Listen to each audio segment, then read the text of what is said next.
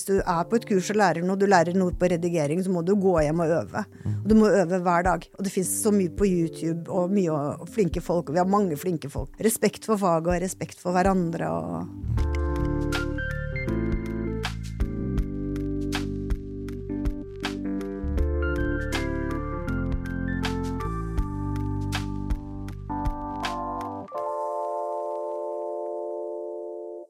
Kjære ørevenner, kjære seere, velkommen til en ny episode av Fotopodden. I dag har vi fått besøk av ingen ringere enn Anne Helene Gjelstad.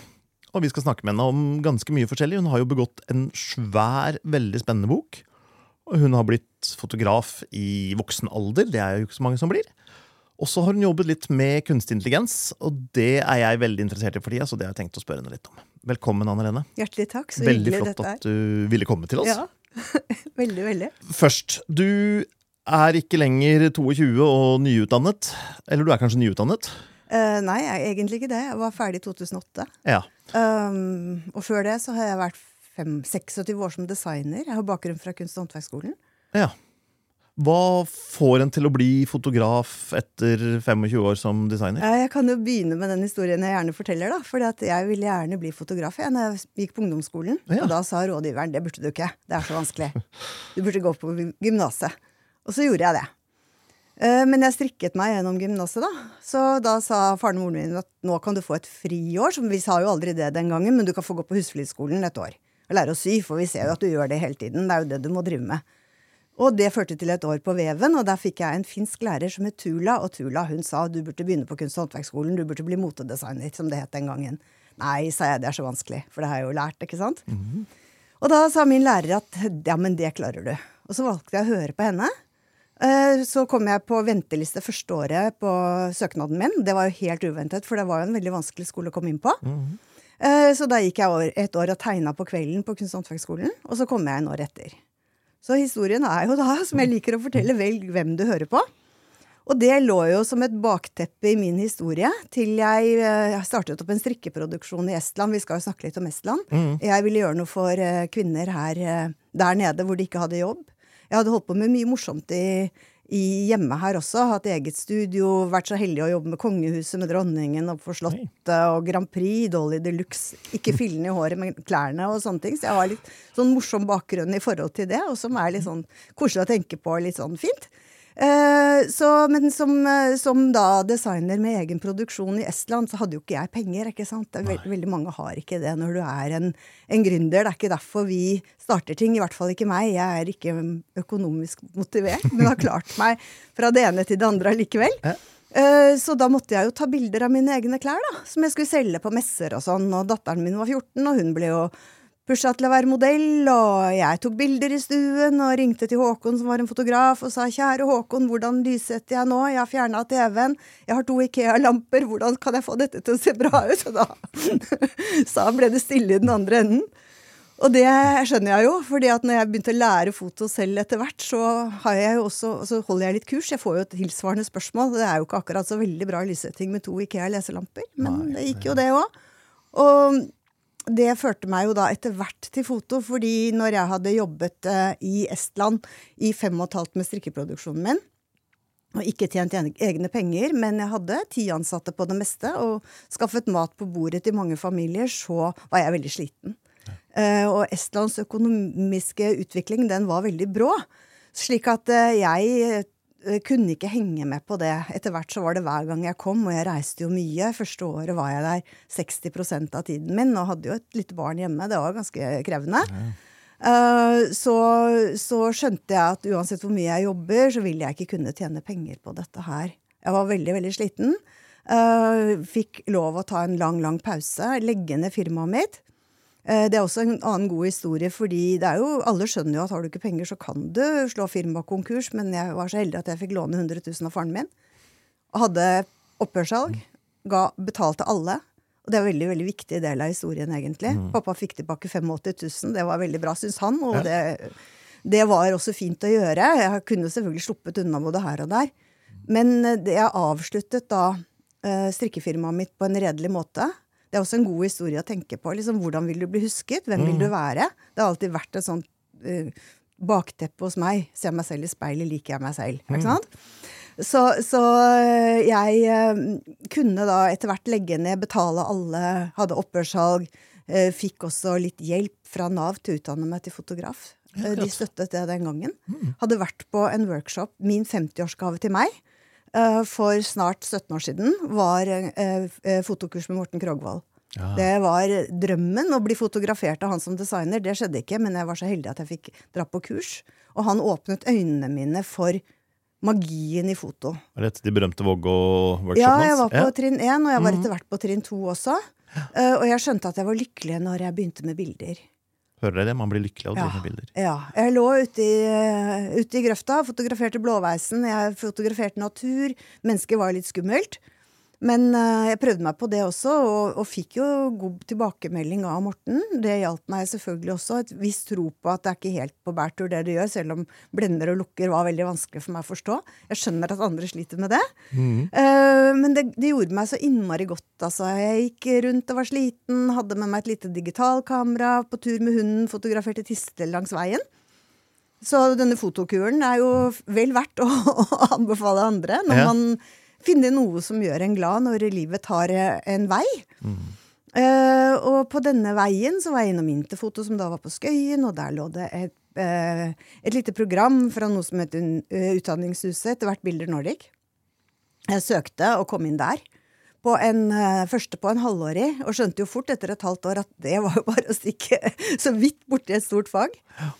Da var du Eh, student da, sammen da med 19-åringene. Var jeg det, og jeg var eldre enn mammaene til mange av de. Ja.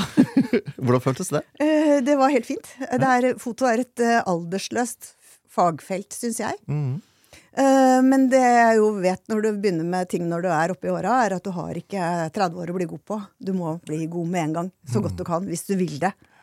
Og det som skjedde videre, var jo at Bilder Nordic, som det gikk over til å hete, med Inge Helland, som har gjort en fabelaktig jobb med denne skolen, og fikk inn masse, masse gode lærere, han eh, satte opp en toårig linje. Så jeg var den første toårige i klassen, for jeg skjønte at halvt år, det Hallo, jenta mi, det her må du gjøre noe mer. Uh, og var jo veldig usikker på hva jeg ville jobbe med. Mennesker var jo litt skummelt. Og uh, produkter Jeg var lei av klær, egentlig, etter å ha jobbet med det i så veldig mange år. Jeg prøvde meg etter hvert med noen magasiner og, og, og sånne ting. Og bøker og strikkebøker og sånn. Men, eh, eh, så, men tilbake til skolen, så var det den gangen mulig å følge begge trinnene. Så jeg hadde både dokumentar og reportasje og motereklame. Bare en Isidor Aastrøm har vært min mentor. Han Ja. sitter på skulderen min og vinker akkurat nå. Hver gang det er noe jeg lurer på, så er det hva vil Isidor tenke å si. Han har jo vært gjest her én, kanskje to, ja, to ganger, tror jeg. Jeg vet. her. Mm. Og det, det er veldig hyggelig å ha han med seg. Liksom sånn Her sitter han og sier ok, nå, dette var bra. Men gikk du inn på den skolen med tanke om at du skulle leve av å fotografere? Jeg håpet jo det. Jeg visste ikke hvordan. Eh, Jeg har jobbet som fagjournalist. Jeg har hatt to 60% stillinger ett år hver seg som fast ansatt. Det er det hele i livet mitt. Oi. Men jeg har jobbet da i bladet Familien som fagjournalist den gangen og tenkte at ok, jeg kan kanskje lage noen bøker om håndverk, da. For er jo, jeg er jo en håndverker. Eh, da mote, klesdesigner eh, også for film og teater, har liksom alltid lagd noe. Alltid skapt noe med hendene mine. Eh, så hva, hvordan, det vet man ikke. Eller jeg visste ikke. Jeg visste ikke noe om hvordan det var å portrett, være portrettfotograf. Jeg visste hvordan det var å jobbe i et magasin. Jeg hadde jobbet med blader og magasiner.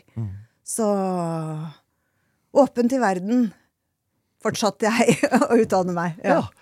Fantastisk. Og så reiser du altså ut til et par holdt på å si, øde øyer i Estland og besøker gamle damer. Ja. Og starter et prosjekt i Estland igjen. ja. Eh, Og bakgrunnen for det er Vi går tilbake til 2005. Eh, Jeg hadde strikkeproduksjonen min i Estland. Eh, Vi var på noe som het Nordic Knitting Symposium. Det er en sånn samling av nordiske strikkere som reiste da rundt og holdt seminarer. Og jeg, jeg var jo i Estland, så jeg ble med videre. Og i løpet av den turen der så var jeg på den største øya, som heter Kichno. Og hadde fotografert disse strikkende og vevende damene der og den kulturen, og det var veldig fascinerende. Og et av de bildene gjorde faktisk at jeg kom inn på Bilder Nordic. Oh, ja. Så, så det var i 2005, 2008 Nei, jo, 2008. Jeg går på skolen. Eh, Jeg må finne på noe. Hva i all verden skal jeg gjøre? Skal jeg dra tilbake til Estland? Det, jeg må ha et fotoprosjekt. Uh, og husk på, jeg kunne jo ikke så veldig mye teknisk. Det er veldig verdt å få med seg at hvis uh, jeg har lært dette her, så kan veldig veldig mange andre klare det samme. For jeg var nok en av de som rakk opp hånda mest på skolen. Men vi nest, har jo- mest, mest, kanskje. Vi har jo hatt gjester her som sier at de kan ingenting teknisk. Nei. Men har du blikket og har du kommunikasjon med den du skal ta bilde av, så er jo det ofte viktigere enn en blenderåpning. Ja, men det er lurt å kunne begge. Det er lurt å kunne begge. Uh, og jeg har jo vært så heldig å lære av Joyce Tennison, og hun sa at uh, kvinnelige fotografer, eh, når de lykkes, Mm. så er det fordi man har både blikket og teknikken inne. Ikke bare det fine hårlyset, men at du også har den kommunikasjonen. Og det var et veldig godt råd, syns jeg. Mm. At du på en måte lærer deg å bli god på begge deler. For jeg ville jo ha uttrykk i bildene mine. Eh, Jeg har jo aldri likt å fotografere med studiolamper eller blits, så det har jeg skygget som bare det. Jeg har begynt med det litt i de senere årene. Bortsett fra Ikea-lamper, da. Ja. Men det funka jo ikke. det lærte vi jo. Men jeg solgte strikkeplagg. Ja. Fotograferte med IKEA-lamper. Jeg gjorde det, altså. Leselamper. Mm. Eh, så, så jeg kunne jo da Jeg var da student, jeg dro tilbake til Estland og tenkte hva gjør jeg her? Eh, Kan jeg ta noen bilder? Og så var de veldig mø- imøtekommende. Jeg hadde jo kontaktpersoner fra Estland tidligere som hadde introdusert meg. Og da kommer vi jo litt tilbake til det jeg fortalte deg nettopp, eh, Erik, om å gjøre opp for seg. Ja. For Hadde jeg stukket av gårde fra regningen i Estland, så hadde ikke jeg hatt det prosjektet mitt. Jeg hadde ikke kunnet komme tilbake. Og moralsk så hadde jeg heller ikke villet komme tilbake, for jeg hadde følt meg som en lus, og det skal man ikke gjøre. Ja, For Estland er også et lite land. Estland er et hvor veldig lite mange land. kjenner mange, og har du brent broer, så har du vel brent broer. Det har du jo. Alle kjenner alle der, men alle kjenner også alle her. Mm. Ja. Så vi må være snille gutter og piker altså, og Mm. oppføre oss ordentlig. Det er eh, så godt vi kan. Mm. Eh, så ja, 2008. Jeg kom tilbake til Estland, og jeg kom til denne øya som heter Kihno. Jeg sier det litt sånn på dialekt så godt jeg kan. Est Snakker du estisk? estisk er som finsk. Ja. Så det er ikke så veldig enkelt, men jeg kan si at jeg skal strikke en sort kjole med lange ermer, eller gå til lyset der, eller at det er vakkert å være gammel, og at vi kan ta en klem og sånn, og kaffe og litt sånne enkle ting. Men uh, jeg har kommunisert uh, med hender, med klemmer, med tolker på, og også på gebrokken tysk. Så da kom det fra gymnaset vel med, liksom, at jeg kunne kommunisere med noen, og det er veldig viktig når du er i utlandet, at du kommuniserer med folk lokalt og får støttekontakter, eller altså ikke det, du får lokale kontakter som vil hjelpe deg inn. Um, og det som var helt fantastisk når jeg da kom dit, var at jeg ble invitert til å fotografere den begravelsen. Du har sikkert sett det gravbildet i boken min. Ja. Eh, Hvor det ligger en person i en åpen kiste, og så sitter alle disse gamle damene rundt. Ja, og dette er jo da hjemme hos Leida. Hun døde tre timer før. Hun hadde vært kreftsyk. Og kvinnen har kledd på henne. Fineste sørgeklærne. Når en kvinne blir Nå kjenner jeg blir veldig følelsesladet her. En kvinne eh, på dette lille samfunnet, da, for det er jo forskjellige steder i Estland. Disse her er jo veldig tradisjonelt tro til, til kultur, og, og, som har Ja, overlevd for, i veldig, fortell litt om det samfunnet, for det er jo ikke en vanlig estisk eh, landsby. Nei, det er en, det er- en øy. eh, det er to øyer. Eh, Den største øya eh, Nå kan du nok komme dit med en større ferge, men den gangen så var det to timers Først så var det jo da å komme seg til Tallinn med fly, og så var det lang busstur sør i Estland, og så var det ferge. To timer ut. Og, og da, når du da er et, eh, et samfunn som ligger eh, avhengig av fastlandet for ting du trenger, men samtidig så fryser Østersjøen til på vinterstid, så den gangen hest og kjerre, mat til dyrene Veldig komplisert, for du visste ikke om du kom av øya. Så var det tjukk is, så kunne de ta Så hest og kjerre over, kanskje. Men uh, Hvis hvis, du ikke, tok så sjansen noen ganger, så kunne du rett og slett Det var det siste du gjorde. ja. Eh, dette her er jo da et eh, samfunn Vi kan snakke om Mania Kishno som det samme samfunnet fordi de hører sammen under det som heter Kishno Cultural Space.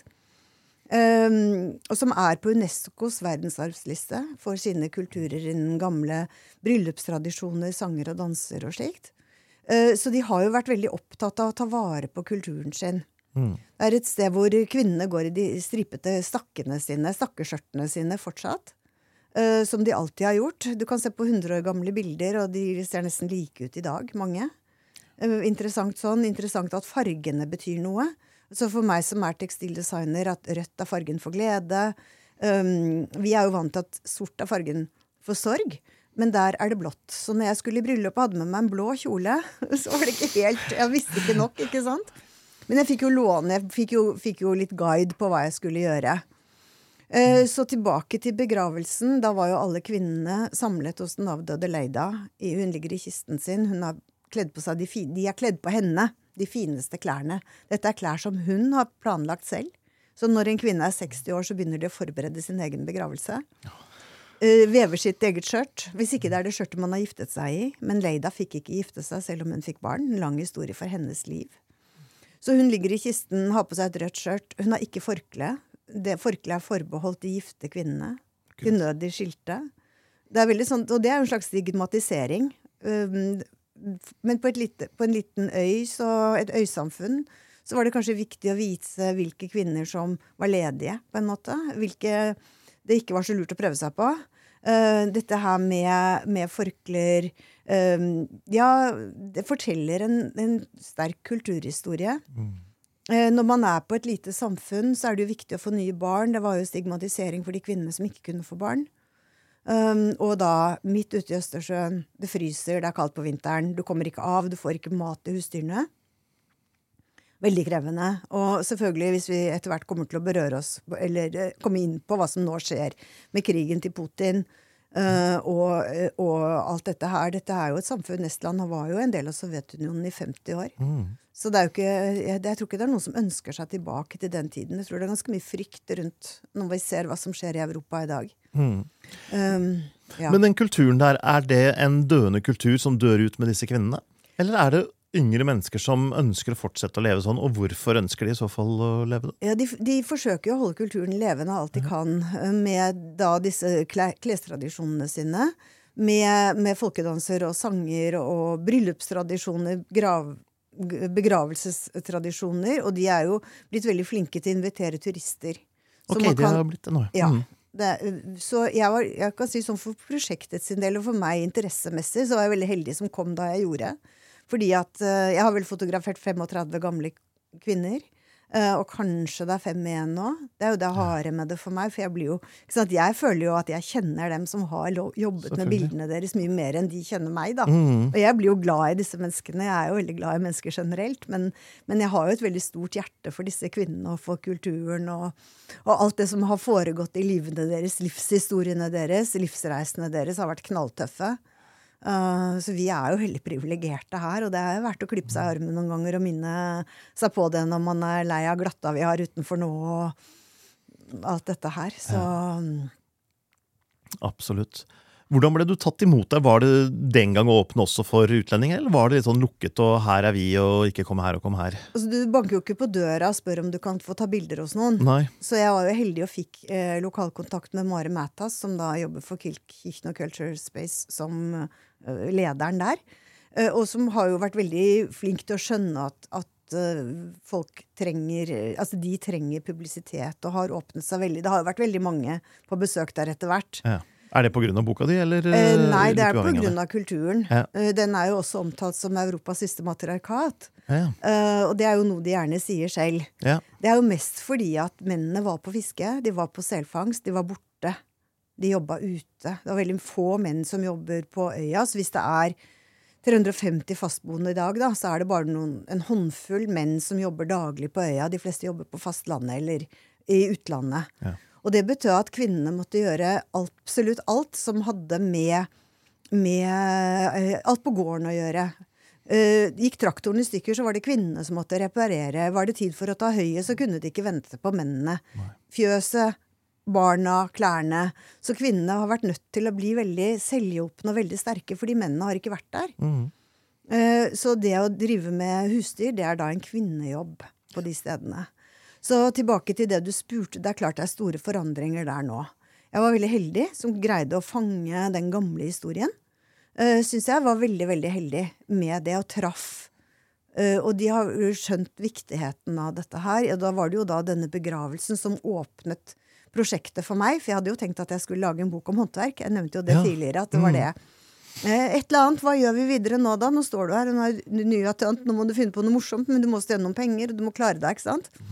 Så, så begravelsen gjorde at fokuset mitt endret seg. Så du endra rett og slett prosjekt Ja, helt til starten av prosjektet? Ja. Ja. Mens jeg holdt på å lære å bli fotograf. Ja. Fordi jeg kom jo dit og hadde jo etter hvert skjønt blender og lukker, men noen hadde sagt til meg at ja, da du håndholder en 50 mm på en femtedels sekund, sånn som man gjerne sier, men det gjør ikke jeg. Jeg er ustø på hånda. Sånn per definisjon. Det er mange sånne ting man skal lære seg. Så det tok meg lang tid å skjønne at 320 dels sekund, det, da blir det bra. Eh, og får man ikke til ting Jeg gikk tilbake og sa at jeg fikk ikke til ting. Kan jeg få komme inn til deg igjen et par, par ganger? Um, og det som også var en stor, uh, kjempefin ting, det var at altså, jeg gikk på skolen. Jeg bestemte meg for å lære av folk. Jeg hadde oppdaget Mary Ellen Mark, vår store fotograf.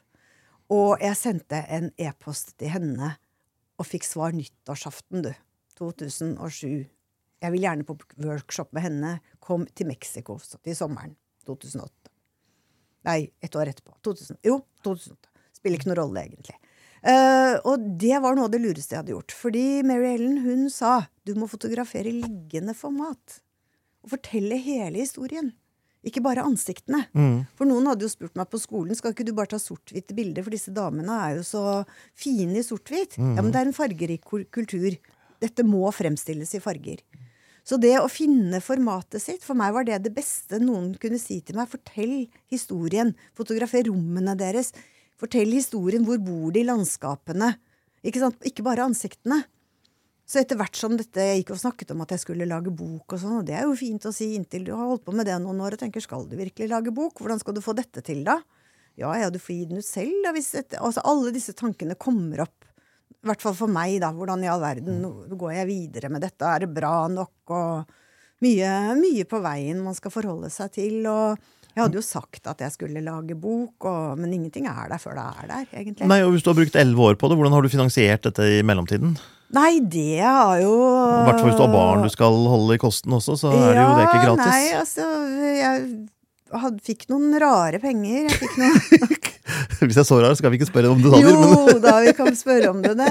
Det kom en skilsmisse inn i livet mitt, det kom en ulykke inn i livet mitt som ga noen penger. Mm. Noen som kjenner meg, vet om det. Jeg har ikke snakket så mye om det.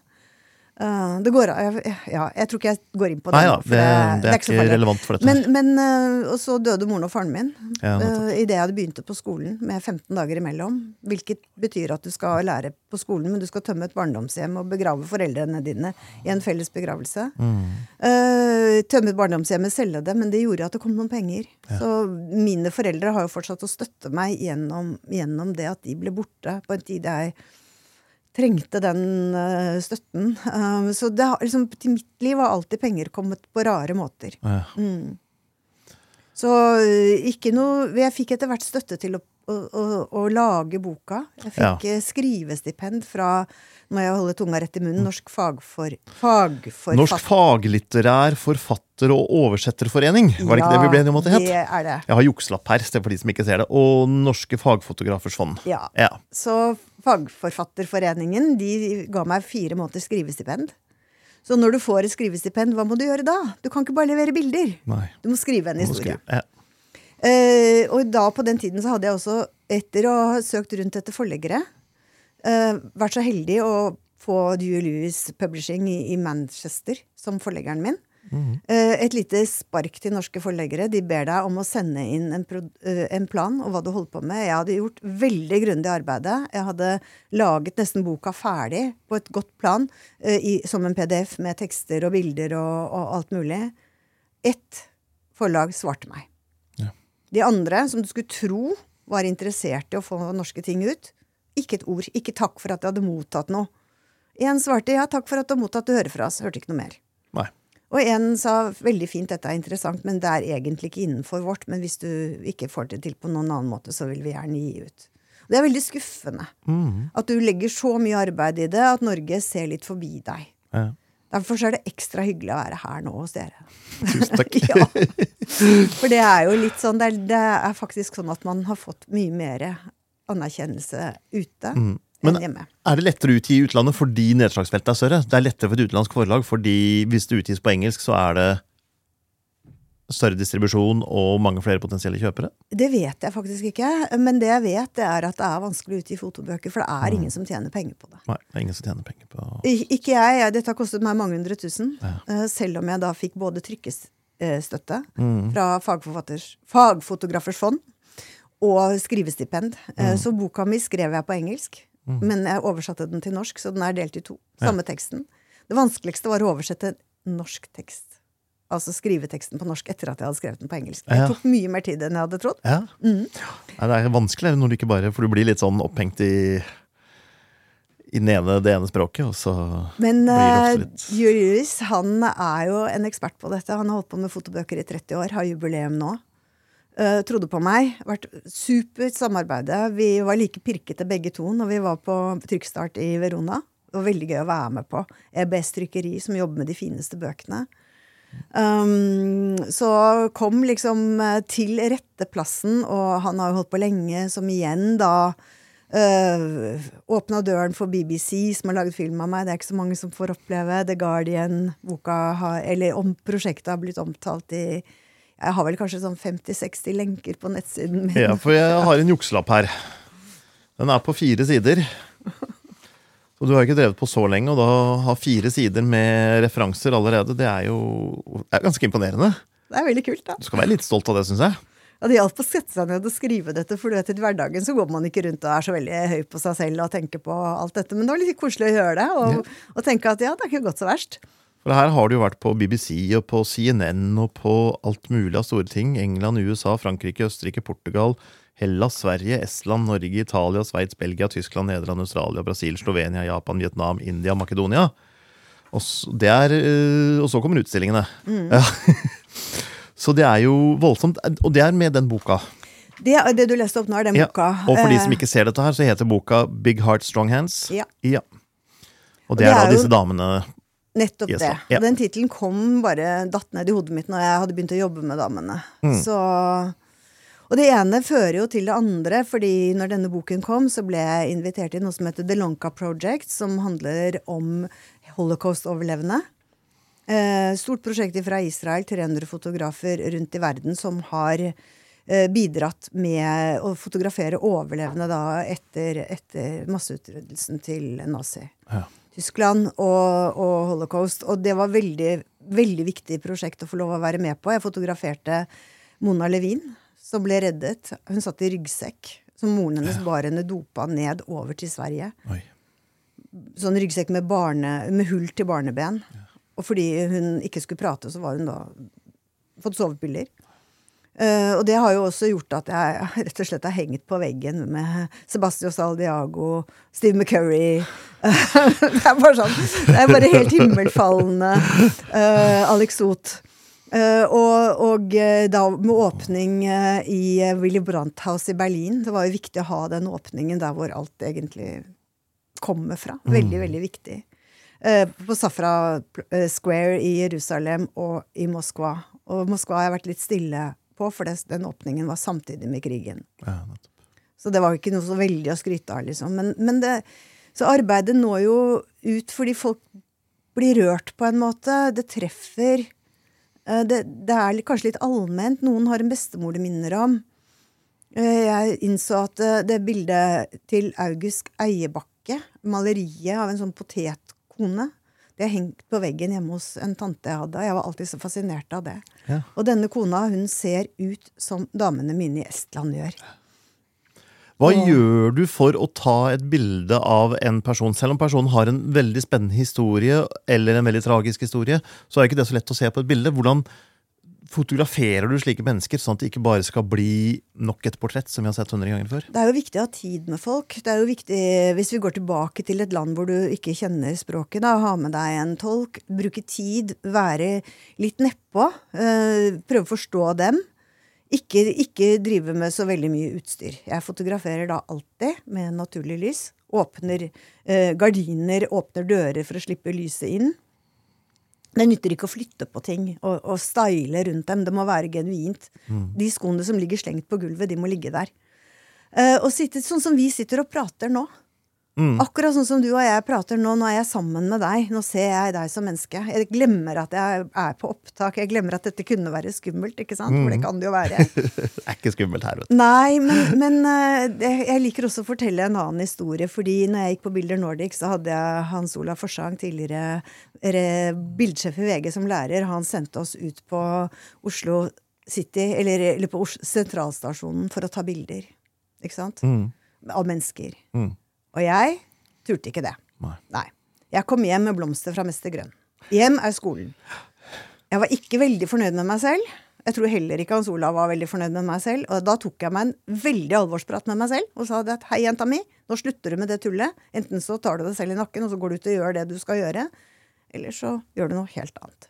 Og det, var, det, det er en veldig viktig historie, tenker jeg, som kan, kan hjelpe andre også. fordi hvis man er hyggelig, hvis man er et medmenneske og kommer og sier hei Det er ikke så ofte jeg går bort og spør folk og tar bilder, men jeg kunne, kunne gjøre det. Og si hvem jeg er. Ha med seg noe.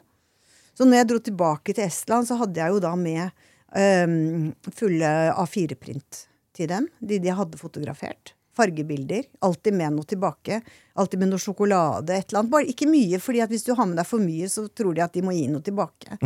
Men at de fikk bilder, og så fikk den ene noen fine bilder, og så fikk den andre noen fine bilder, og så kom tredjemann og ville ha det samme. Ikke sant? Men det at du lover du bilder, så kommer de bildene. Lover du å sende bilder, så må du gjøre det. Uh, og når boka var ferdig, så sendte jeg 23 bøker til Estland til alle som hadde vært med i prosjektet mitt på en eller annen måte, som takk. Jeg ville personlig levert det, men det var ikke så lett å få til i pandemien. Og, og, og også med masse tunge bøker, for den veier en del. For når jeg er ute for å ta bilde av mennesker, så ofte så ser jeg en situasjon som er veldig morsom, og som jeg vil ta bilde av. Og hvis jeg da stopper og enten viser at jeg vil ta bilde, eller spør om jeg kan få ta bilde, så opphører jo den situasjonen, og så stiller de seg opp, og så smiler de. Ja. For de tror det er ansiktet deres jeg vil ha bilde av. Og de skjønner ikke at det er situasjonen jeg vil ha bilde av. Hvordan unngår du sånt? Ja, eh, For det første så øh, tenker jeg at du Jeg aldri ber om folk om å smile. Nei. Det er Se på meg. Vær den du er. Og, og øh, hvis noen Og så kan jeg jo godt si at jeg skjønner at du er nervøs. For det er jeg òg, når jeg er på den siden av kameraet. Så jeg bruker alltid tid til å snakke med folk. Uh, det, jeg er jo ikke noe gatefotograf, så det er jo noe annet. ikke sant? Men, men skulle jeg være det, så, så ville jeg jo si at hei, nå tok jeg et bilde av deg, se så fint det ble. Uh, og hvis noen ber meg om å slette det, så må jeg jo gjøre det. Ikke sant? Men, men det å kommunisere både å få folk til å slappe av, den fine teknikken med å lukke øynene og gå inn på et stille sted gjelder for Hvis jeg skulle ta bilde av deg. Lukk øynene, gå inn på et stille sted. Tenk på noen, noe, noe som gjør deg godt, noen du er glad i. Eller hvis du har behov for å få et sterkt blikk, liksom tenk på noe du er irritert for. Altså, dette virker på alle plan. Til barn. Tenk at du står stille, og så lukker du øynene, og så står du, og så er du i stranden, og så har du Har du noe dyr? Nei. Har du noe kosedyr? Ja. Hva har du da? ikke sant? Jeg har en kanin. Og tenk at du står og holder kaninen din i armene. Og så er det så deilig og mykt. Og barn gjør jo det. Og vi gjør det alle når vi får beskjed om dette her. For det er noe som gjør oss godt. Og så åpne øynene i det. Men det er sånn stillefoto, da. Eh, og det er jo de bildene jeg helst har, så Og, og, og jobbe enkelt når man er ute. Ikke for mye opptatt av dingsebomser og lyssetting og sånt noe. Og tenke at det Og så gjerne vise folk på veien. Og har tatt noen fine bilder og så fotografert mye konfirmanter. Se så fin du er. Se på dette. Det kan være ganske vanskelig med disse konfirmantene, for akkurat nå så er det håret som gjelder. ikke sant? Så de jentene sier 'Jeg liker ikke håret mitt'. Ja, men du er jo så nydelig nå. Ja, jeg liker ikke håret mitt. Ja, men se på deg nå, da! Liker ikke håret mitt. Og da er det litt vanskelig. Og mye like uttrykk kan være vanskelig. Men å bruke tid og vise litt, og så er det selvfølgelig eh, når man da jobber én til én, hvis jeg ber deg stille deg opp under et tre, og så tenker jeg dette blir fint, så blir det ikke fint. Da er det min skyld.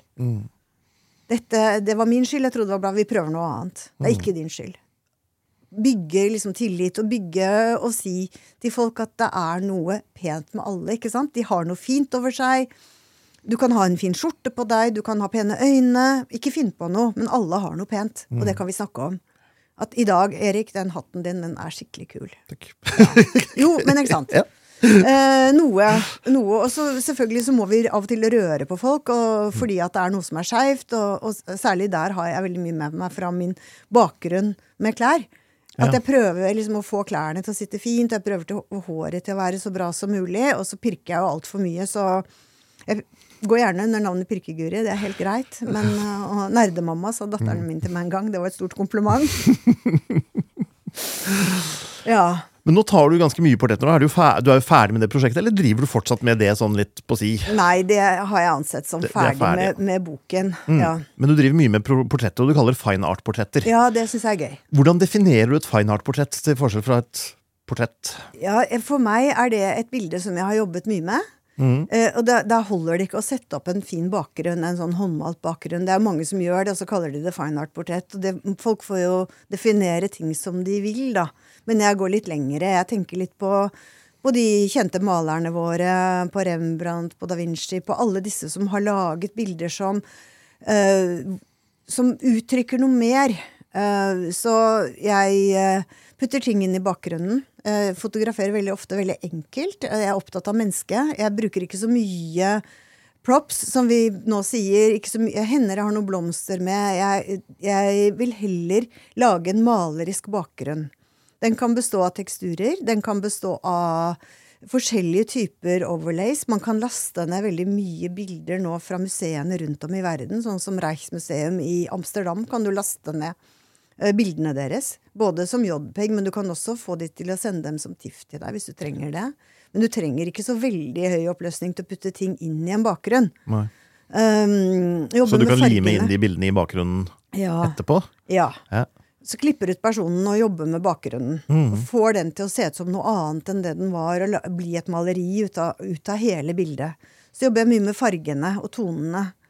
Så actions er fint, men jeg ville aldri putte noe direkte på. Jeg ville ikke bruke en preset i Lightroom for eksempel, eller putte inn en direkte bakgrunn som alle ser at jeg har gjort. Jeg ville alltid vri på det, Mm. sånn at det blir mitt eget. Fotografere litt sånn selv.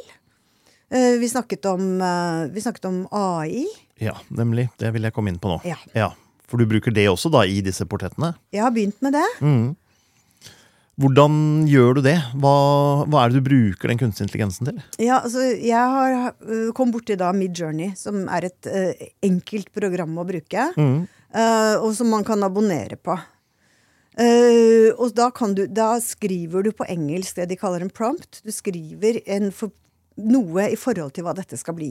Mm. Og ut kommer det masse greier. Og noen bruker uh, disse bildene og kaller det sine egne. Jeg vil ikke gjøre det. Jeg er ikke opptatt av å ta, la, skape kunstige mennesker.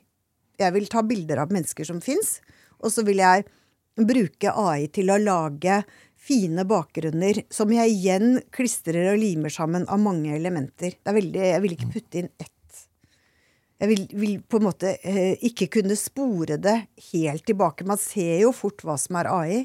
Um, og det er litt sånn Det er litt eh, problematisk egentlig, fordi at du har ikke lyst til at det skal se sånn ut. Uh, samtidig så tror jeg det er viktig å si at bildet har en bakgrunn laget via kunstig intelligens. Jeg tror det er viktig å være åpen på det man gjør. Eh, og utvikle sitt eget. Eh, jeg tror ikke det kommer til å være noe problem for portrettfotografene. Nå var det jo dette prosjektet til Jonas eh, Bendiksen, hvor han lagde denne Book of Veles og skapte alt i datamaskinen. Det er jo egentlig et hårreisende, kult og skremmende prosjekt på samme tid. Jeg tar av meg hatten for det, altså. For det skjer sikkert mye sånt der ute som vi eh, burde tenke over, og som vi aldri får vite. Og, og de har jo blitt så rå, disse dataprogrammene, at innimellom så er det jo vanskelig å skildre, liksom. De får jo, lager jo porer i hudet og Ja, det er, det er helt vanvittig. Men når du da velger en bakgrunn, um, gjør du det ut fra utseendet på personen du fotograferer, eller fargene på personen du fotograferer, eller er det noe annet du ønsker å formidle? Kjenner du vedkommende du fotograferer, og vil formidle noe av et uttrykk med den bakgrunnen Ja, som kun- den kunstig intelligensen lager, eller hvordan tenker Det tenker kunne være begge deler.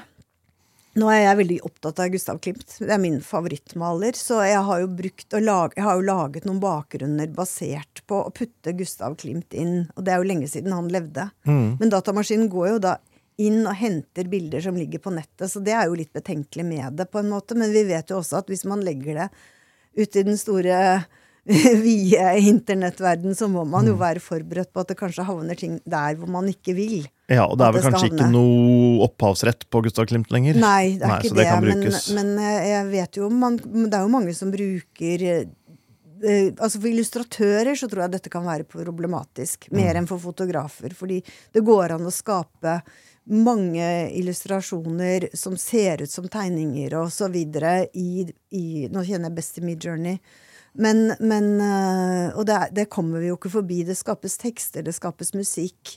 Det blir jo litt sånn som at man ikke ville ta fargebilder den gangen man bare skulle ta svart-hvitt, og så kom TV-en og var med kinoene og teatrene og og må, jeg tenker det er lurt å favne dette her og forstå dette her og bruke det på den måten man selv finner riktig. Mm. Eh, det kan jo være en stor inspirasjonskilde, fordi at eh, hvis du legger inn de riktige promptene, så får du jo bilder som ser ut som fantastiske motebilder med kostymer og styling, og hvordan du skal dekorere modellen din med blomster i håret. Altså det, jo, det er jo veldig mange som tenker på dette som en stor, stor inspirasjonskilde, og det er det for meg. Eh, Jeg svarte ikke på det du spurte om. Det du spurte om om jeg ville tilpasse modellen min og bakgrunnen og sånn, det kunne jeg gjøre. Eh, Jeg eh, eh, vil jo da skape en bakgrunn som ingen andre kan lage. Og uttrykke noe med det som skiller det. Det er, det er jo det jeg har lyst til å jobbe med. Og jobbe med at ingen skal kunne lage akkurat det samme som meg. da. At det er den jeg er gjennom min utdanning. Jeg har en lang kunstfaglig bakgrunn. og alltid holdt på med farger. Så noen spør meg for eksempel hvordan fikser du dette med farger, og det er bare intuitivt fordi jeg har jobbet med det et helt liv og har kunstfaglig bakgrunn, Kunsthøgskolen. Men eh, hvis vi spoler fram to år, eller i denne verden to måneder, eller 20 minutter for den saks skyld, så kan man jo ha en kunstig intelligens hvor du kan si ja, Du kan ta et bilde, da. Et helt ordinært, kjedelig, dårlig bilde med mobiltelefonen. Og så sier du Gjør dette her til et fine art-portrett, og legg på en bakgrunn. Sett på en lys med en beauty dish fra 45 grader ovenfor på sida, og sånn og sånn og sånn. Og sånn. Og så vips, så har du et bilde som ser helt vanvittig bra ut, men bare tatt med en mobiltelefon og så bare fiksa av en kunstig intelligens i ettertid. Ser du for deg den faren, at du plutselig, du og alle andre portrettfotografer blir mer eller mindre arbeidsledige? Uh, jeg elsker jo å lage bilder. Mm. Så for meg vil det jo være ta, ta bort selve nervene i den jeg er. Eh, jeg må lage bilder og holde på med dette hver eneste dag. Jeg, Mm, men det er ikke sikkert du får oppdrag om å gjøre det. Fordi Nei, Hvis noe? jeg trenger et fint portrett av meg sjøl, så kan jeg bare ta et dårlig mobiltelefonbilde og så kan jeg gjøre det til et fint portrett. Ja, Det er den eneste gode tingen med å bli pensjonist, da. At nå trenger ikke jeg tenke på det mer. Men for andre er det et problem. Det kan være. Kanskje. Det vet vi jo ikke. Nei. Eh, Det jeg også synes, Hvis vi skal inn på, inn på det som jeg syns er problematisk Det kan komme en e-post. 'Jeg skal ha tatt et bilde. Hva koster det?' Mm. Da, da blir jeg alltid sur. Eller lei meg. Og tenker at ja, men jeg skal ha en bil, hva koster den? Det er det samme spørsmålet vedkommende. Så liksom tre for to. Altså, vi er så prisbevisste, og det går så utover faget at du skal levere så mye. Eh, Jeg tror det var vår, Isid, vår venn Isidor som sa det, at enten så må du være veldig veldig billig, eller så må du være ordentlig god og på den eh, mer avanserte siden for å få jobber. Du kan ikke være, levere masse midt på treet. Det tror jeg, Hvis det var han som sa det, så skal han ha kreditt for det. Uansett, det som er sagt, syns jeg er veldig riktig. For, og hvis vi skal eh, det går, det går ikke å jobbe og, og levere flotte arbeider på rekordtid. Det tar tid. Det tar tid å få, få uttrykkene man vil. Det er jo ingen som sier at uh, du henger et bilde på veggen, det var ikke noe fint, men jeg fikk det billig. Sant? Du kan si det med olabukse, du kan gå med den i skogen. Det passet ikke, det var litt dumt, men den var på halv pris. Men bildene våre, de skal leve. Og der kommer det, AI kan ikke erstatte det jeg, bildet jeg kan ta av deg. Du kan synes det er kult, Mm. men det, er noe, det vil være noe som mangler. Det vil være den kontakten som vi har her og nå.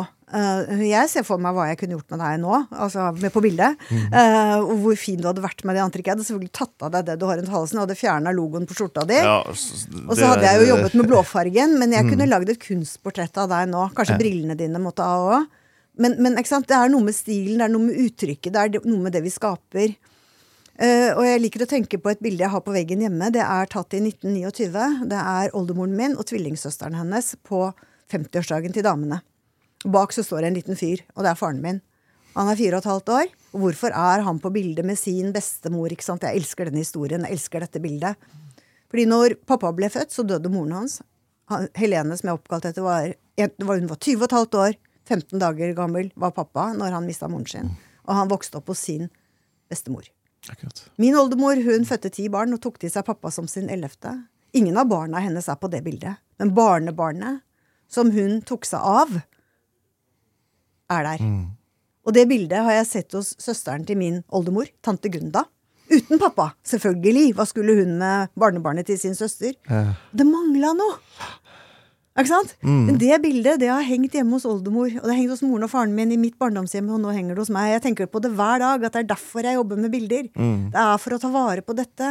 Og da er kanskje det essensen med det du spør meg om, at det kan ikke en datamaskin erstatte. Den kan gjøre masse morsomt, det kan Ja. gjøre andre ting. Kanskje Og så blir man jo litt lei av dette her.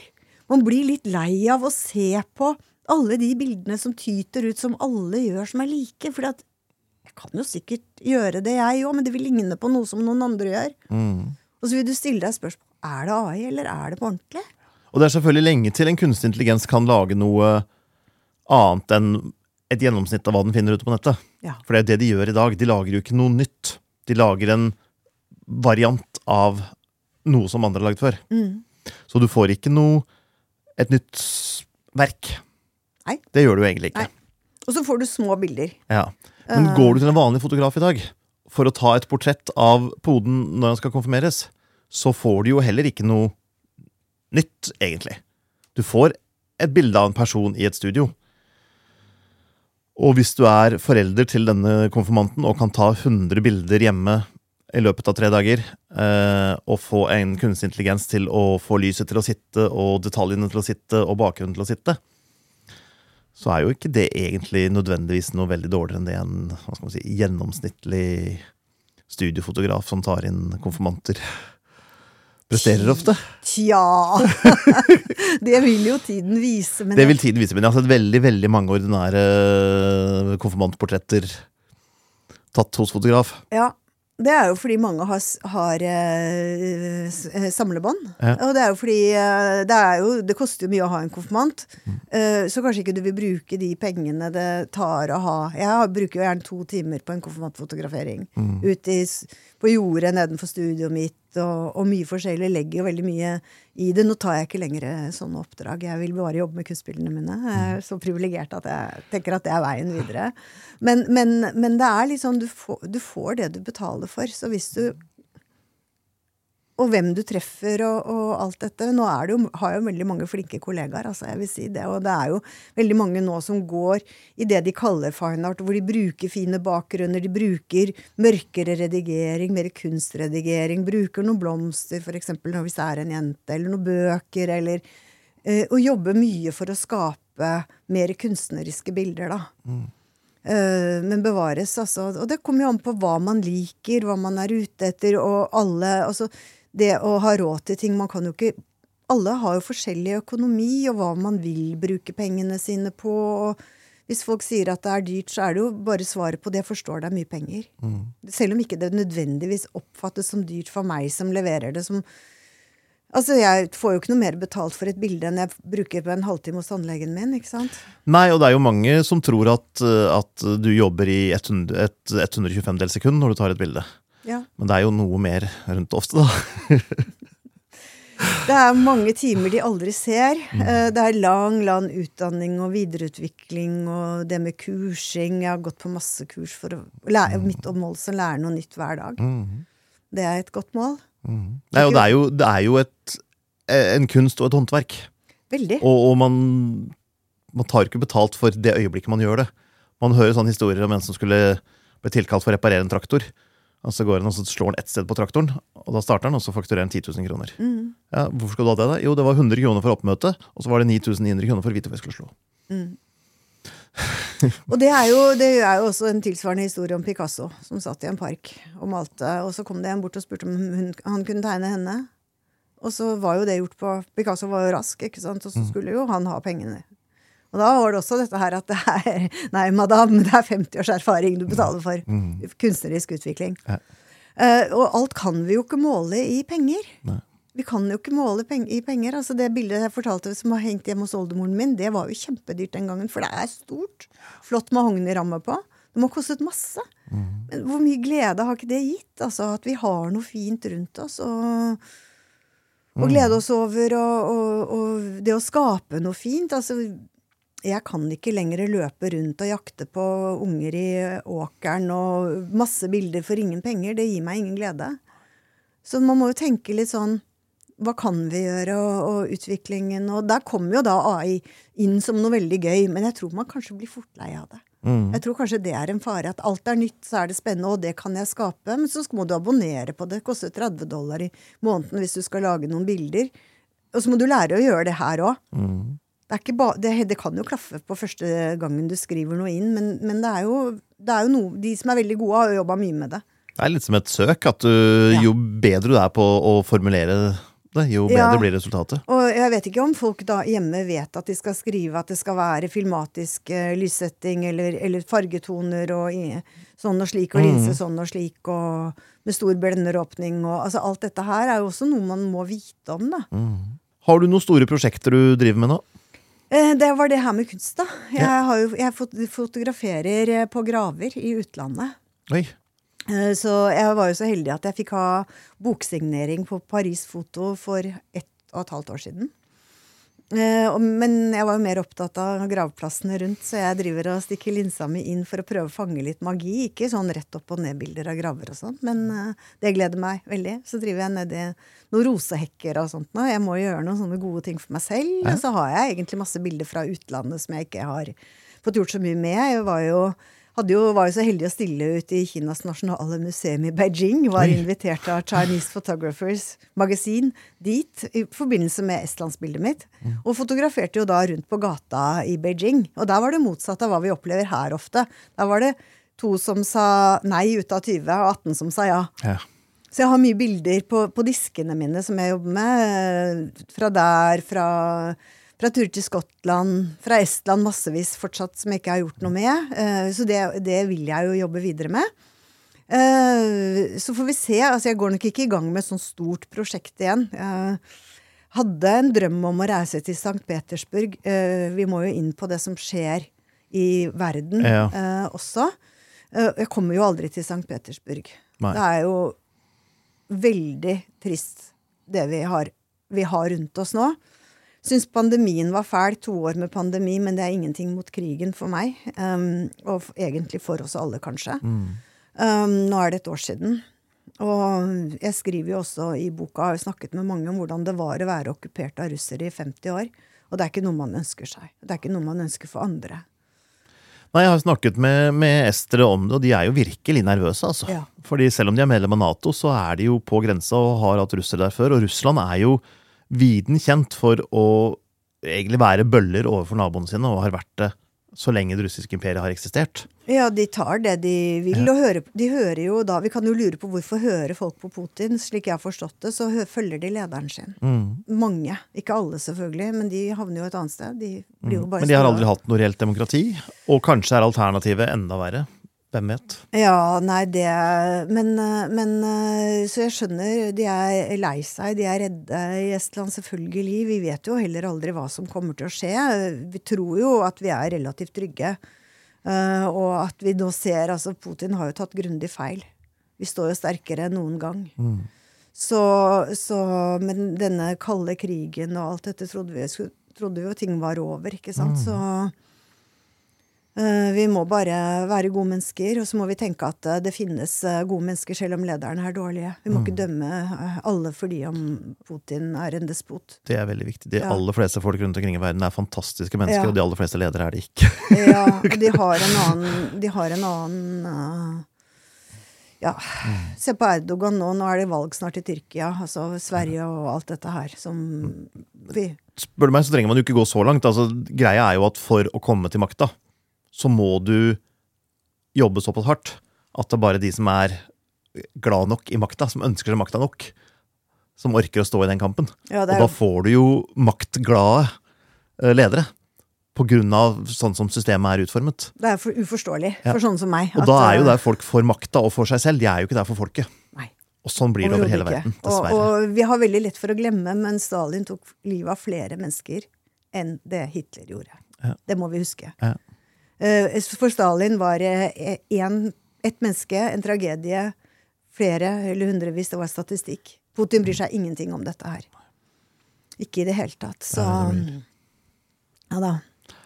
Var det en glad fot å oppsummere på, eller er det noe du har lyst til å Ja, jeg har lyst til å si én ting, Ja. siden jeg har dette talerøret. Jeg, jeg har jo hatt så veldig mange flinke lærere, så jeg er veldig glad i å holde kurs. Ja. Så det får bare snikke inn det at Uh, jeg har mentorprogram i portrett. Ja, Eh, for du driver jobber med å skaffe deg flere konkurrenter. Ja. Ja. Jeg er så glad i faget mitt at jeg har lyst til at det jeg har lært videre, eller det jeg har lært, skal gå videre. ja. For sånne lærere har jeg hatt. Og, og når jeg ser at noen lager noe veldig fint, så blir jeg veldig glad. Uh, fordi det er folk der ute. Alle, det, det, vi, det er noen som er rikere, tynnere, penere, eh, flinkere enn all, oss alle. Sorry hvis noen tror at de er alene om Eh, Så hvis jeg kan bidra til at noen kommer videre, så er det en stor glede. Derfor så har jeg disse kursene mine. Jeg har hatt masse kurs i portrettfotografering. eh, Fortsetter med det. Lightroom-kurs til de som ønsker. Privat undervisning. Eh, Men det er mest av alt fordi at jeg liker å gjøre Jeg liker å bringe videre det jeg har lært. Og så har jeg jo da det verdt å få med da, Når du begynner å er en voksen jente og jobber knallhardt for å, å skjønne ting, så er det jo veldig deilig hvis andre kunne slippe å gjøre det jeg har gjort. da. ja. Slippe mandagskameraer som ikke kunne ta bilder, skarpe bilder av eple på stativ, og ikke tro det er meg i halvannet år og sånne ting. At man skjønner litt av hva som foregår inni et kamera. Skjønner litt av hva man kan gjøre med redigeringen. Og, og der er jo AI helt fantastisk. Når vi ser f.eks. Lightroom og de nye AI-maskene som kommer. Du trykker på en knapp, og ut kommer det du Flott maskert. Mm. Skjegget ditt, hvis jeg vil gjøre det, eller håret ditt, eller ja, for å maskere skjegg og hår har jo vært et mareritt i ja, gamle dager. veldig. Og nå er det jo gøy, da. Ja. Og det er gøy å fortelle at hvis du trykker på autoknappen, så får du faktisk opp skyggene dine i bildet. Og du kan kanskje noen ganger greie deg med det, men vite litt mer. Mm. Så, så det er et fantastisk uh, Å jobbe med foto det er noe av det beste jeg har gjort. Uh, det, tok litt, det tok noen år for å komme dit.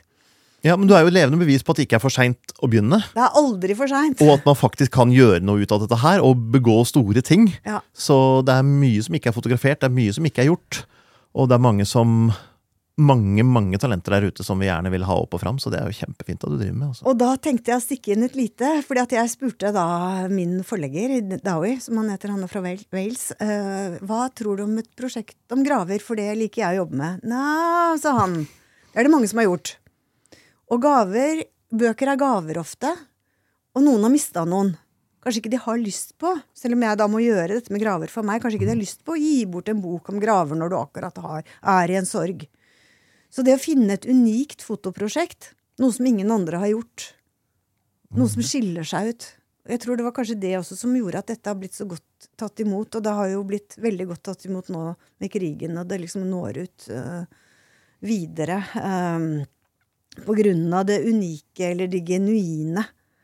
Så finne noe som Og da kan man jo ikke reise på fotokurs eller fototur sammen med andre. Jeg måtte jo tilbake til Estland alene. Mm. Eh, Jeg ville jo helst reise sammen med noen.